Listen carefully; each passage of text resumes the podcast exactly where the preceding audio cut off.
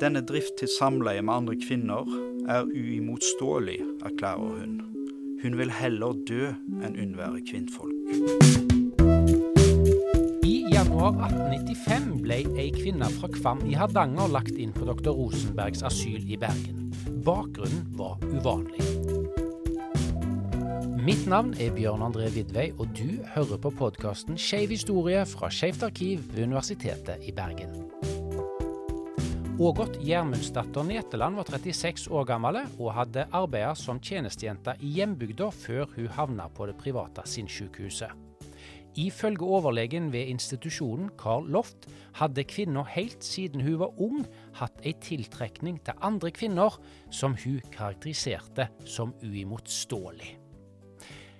Og dette har du skrevet mer om i en artikkel som heter 'Et tilfelle av homoseksualitet hos en kvinne', historiker Runar Jordåen.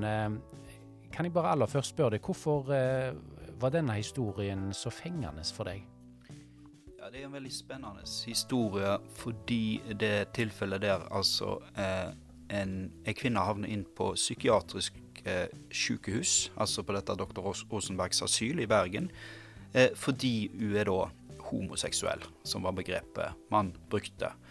Eh, og dette er på en måte ganske unikt, og så er det veldig tidlig. For dette begrepet homoseksualitet eh, var helt nytt og nyintrodusert i Norge på denne tida, altså på 1890-tallet.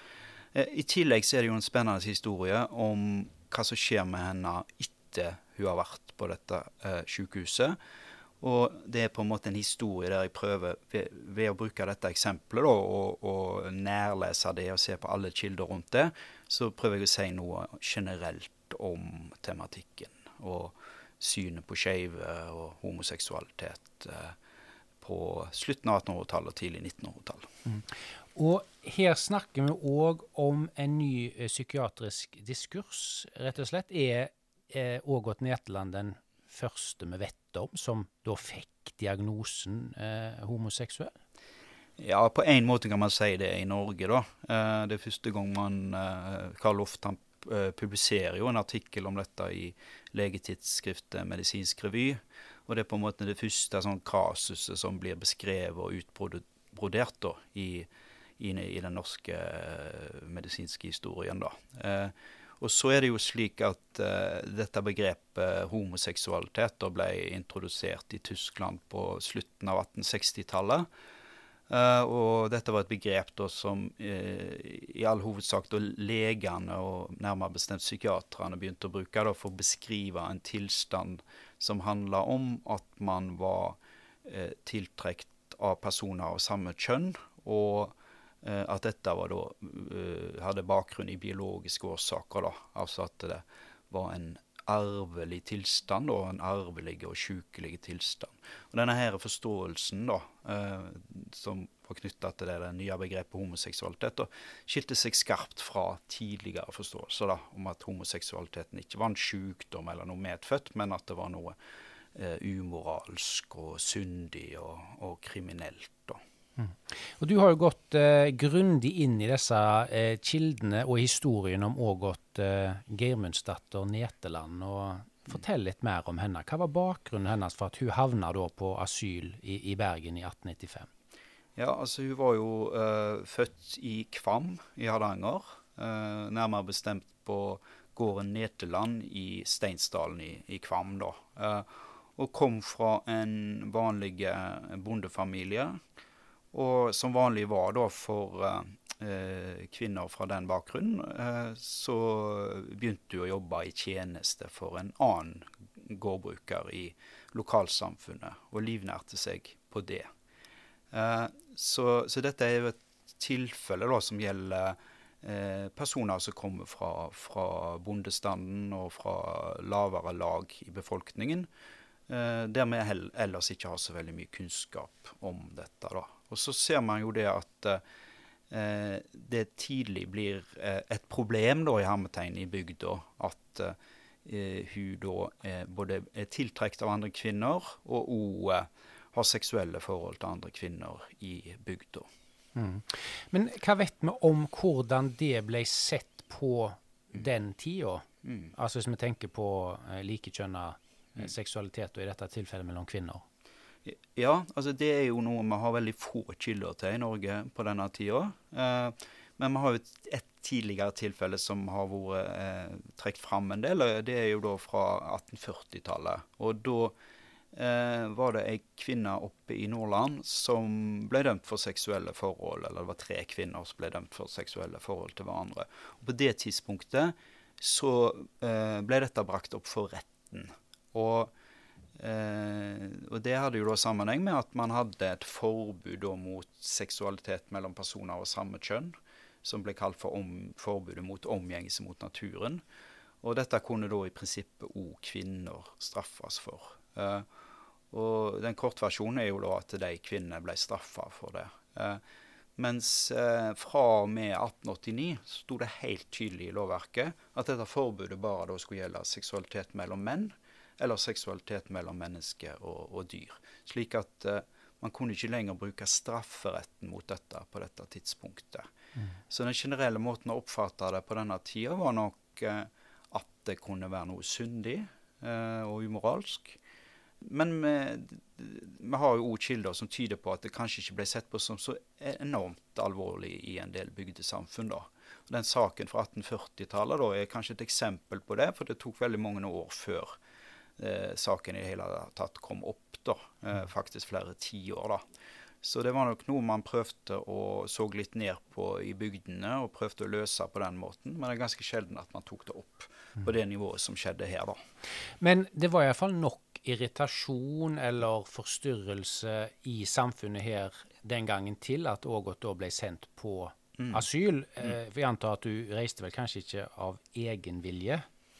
Nei, det er nok uh, usannsynlig at du gjorde det. Uh, samtidig som han, uh, legen da skriver at du, du gjerne ville bli helbreda, da. Mm. Så, så, er det nok bygda som har agert, mm. og da brakt inn både presten og, og distriktslegen da, for å få dette til å skje. Så mm. hun havna altså på, på dr. Rosenbergs asyl i 1895. og og da er det altså Carl Loft som tar imot uh, henne. da. Og Han er en ung psykiater, og han har sikkert da, helt sikkert da, uh, lært seg dette begrepet homoseksualitet, som er en del av faget på denne tida. Uh, og, og, og, tenker at her har han et interessant tilfelle da, som han kan uh, både beskrive og prøve å behandle. Mm. Men hva type behandling hadde de da å mm. tilby, for å si det sånn? Altså jo, han skriver jo da at han brukte eh, eh, lange bad, eller var det varme eller kalde bad? Iallfall bad.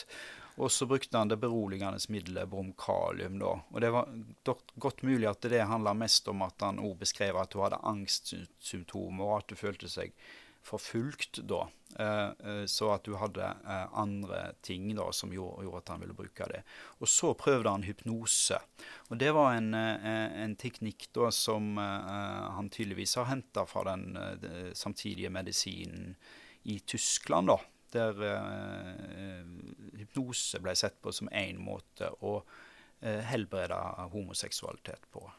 Men når det er sagt, da, så kommer man ikke særlig langt med den behandlingen. da. Eh, og, og det er, og, henger nok òg litt sammen med den teorien han hadde om dette, at dette var arvelig. Så, på den ene sida tenkte man at dette var medisinsk og noe sjukelig. På den andre sida så tenkte man seg da at dette var noe som var veldig sånn eh, djupt rotfesta i personen, da, at det var ganske vanskelig å helbrede det, tross alt. Så skriver han om eh, hvordan hun sjøl oppfatter dette. da. Eh, og jeg kan jo bare sitere et lite utdrag, da. Denne drift til samleie med andre kvinner er uimotståelig, erklærer hun. Hun vil heller dø enn unnvære kvinnfolk. Dog, driften har voldt henne så megen plage at hun troede koetus med menn skulle helbrede henne. Et forsøk hun har fullbyrdet tolv ganger, men uten heldig resultat det hun fant det motbydelig og vemmelig. Mm. Du ble ikke der veldig lenge? Altså, Hun ble jo der et år, og dette er jo et eksempel på Vi kjenner ikke så mange andre eksempler på, på kvinner som har blitt lagt inn pga. dette. Uh, det er faktisk det eneste tilfellet jeg kjenner til fra denne tidsperioden. Mm. Så sånn sett så, så, var det jo ganske alvorlig at man gikk så langt. Uh, men litt av poenget mitt i uh, artikkelen jeg har skrevet om dette, er at hun, ble, hun kom tilbake til bygda. Og det er en veldig interessant prosess da, å se på, på, hva som skjedde i, i den forbindelse. Ja. ja. Hva skjedde når du kom tilbake til bygda? Fordi at Her har det vært litt viktig for deg å, å, å prøve å fortelle at det var liksom ikke en, en, en, uendelig lidelseshistorie, det at hun faktisk kom tilbake? Ja, altså dette viser i alle fall da at, at uh, man håndterer dette på en ganske interessant måte. Og den delen av historien som vi har snakket om nå, det at du var innlagt på sykehuset og osv., det, det er noe jeg har forska på tidligere. Eh, men så oppdaga jeg for noen år siden at eh, noen lokale historikere da, som heter Marie Skutlaberg og Brita Tre, Trebakken fra Kvam, eh, de har sett på andre kilder og på en annen bit av denne historien. da, Der fokuset er på hva som skjer når hun skal tilbake i bygda. Uh, og dette lar jeg meg da inspirere av, uh, i tillegg til at jeg har granska disse kildene sjøl om hva som skjer med henne når hun kommer tilbake i bygda. Og det som skjer, er jo at etter et år så blir hun utskrevet fra, fra sinnssykehuset, men med merknaden da 'uhelbredet'. Og hva gjør man da? Jo, man sender henne i privatpleie. Og privatpleie var noe som man eh, brukte i psykiatrien på, på denne tida. Eh, og det var et ganske stort felt, faktisk. Eh, pasienter som var utskrevne og uhelbreda, kunne da eh, komme til, typisk da, til en bonde. Eh, som tok ansvaret for vedkommende, mot at denne bonden da fikk støtte da både fra amt, eller altså fylket, og fra kommunen eller fattigkassen. da. Så det var det som skjedde med Ågot. Hun ble da eh, satt i eh, privatpleie på en gård som heter Skålheim, eh, hos en bonde der eh, i, uh, i uh, himbygda. Og det ble jo da værende eh, ei tid, kanskje et år, og, ja, noe, noe, sånt. da. Mm.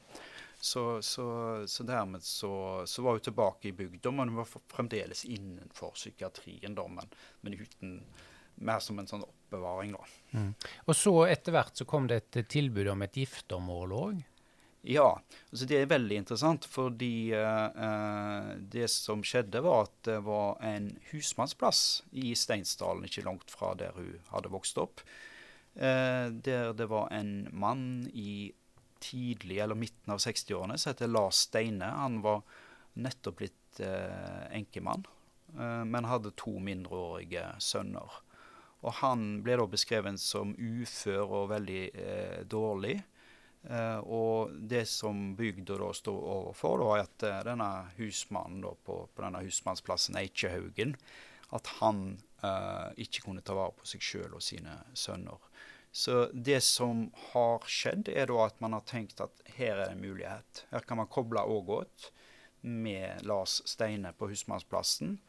Og de, de kan da på en måte bli et hushold og eh, klare å holde gården eller husmannsplassen i drift, da.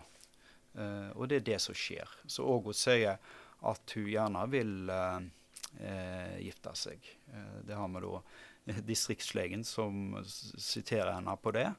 Men samtidig så sier hun at uh, hun, uh, hun, fant uh, samleie med menn motbydelig. Så antyder det ganske sterkt at det ikke kom på tale med noe ekteskapelig fullbyrdelse av dette. Mm. da. Men samtidig så er jo ekteskap, og, som vi ser av denne historien, da, og forbindelser mellom folk er på, på, dette tidspunktet så handler det også mye om økonomi og arbeid og hvordan man skal holde seg i live. Så det, mm. det, man løser på en måte det. Man får òg gått ut av privatpleie, noe som òg sparer bygda for uh, penger i, i, fattigkassen. Og Lars eh, blir òg tatt hånd om, og disse to sønnene. Så, så, så dette er en, på en måte en god løsning for bygda da, som helhet. Mm. Men eh, dette ekteskapet varer ikke så veldig lenge, fordi han uh, ektemannen han, han, dør ganske raskt etterpå? Ja, det er ikke, det er ikke mange årene etterpå at han, han dør. Eh, og da eh, står bygda overfor en ny utfordring igjen. da. Og sånn som kildene beskriver dette, så mente de at Ågot ikke var i stand til å drive eh, plassen helt alene. Eh, og det som skjer da, er at hun eh, får ei tjenestekvinne eller tjenestejente som, som, flytter inn til henne. Og, blir, og, de to blir da boende sammen. Og da er det slik at Ågot blir på en måte overhodet. Hun blir da husmann eller husmannskona da, på, denne, på denne plassen. da. Og, og, det er jo ganske uvanlig at kvinner har en sånn overhodestatus i, i et hushold på, på landsbygda.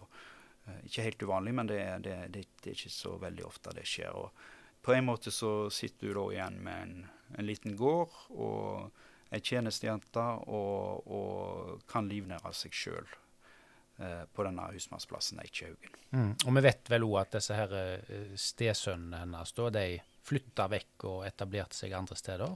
Ja, det stemmer. Så, så hun ender opp da med å, å bo der uh, sammen med, med denne tjenestejenta, som vel er noenlunde jevnaldrende uh, kvinne.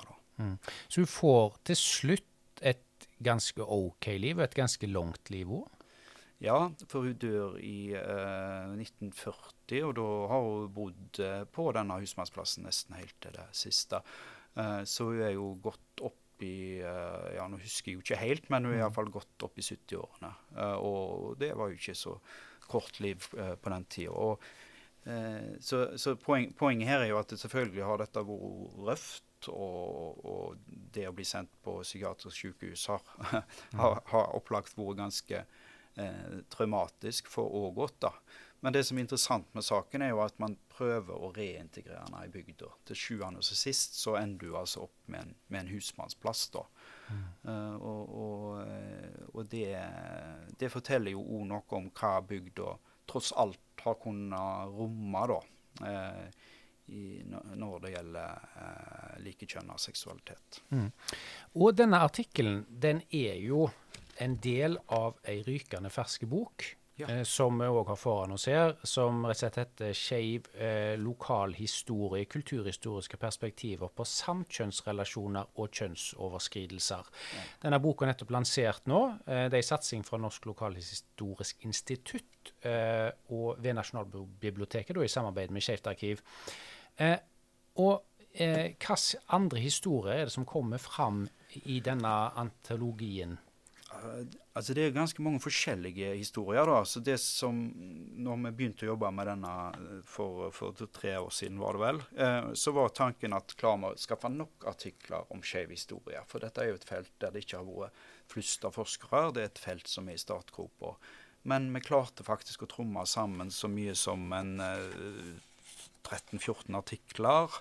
Og boka er blitt på over 500 sider. Og her har vi da veldig mange forskjellige artikler som tematiserer det med det, med det skeive i konkrete situasjoner, i, i lokalhistoriske situasjoner osv. Så, eh, mm. så vi har artikler både fra, fra Island, Norge, Sverige og Finland. Ja, og hvis folk har lyst til å lese boka, så er den nå ferdig trykt og tilgjengelig. Og den er òg digitalt tilgjengelig på Nasjonalbiblioteket sine egne sider.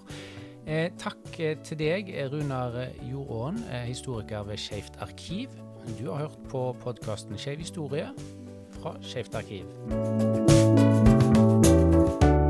Og husk å abonnere, så går du ikke glipp av neste episode i vår serie om skeiv historie i Norge.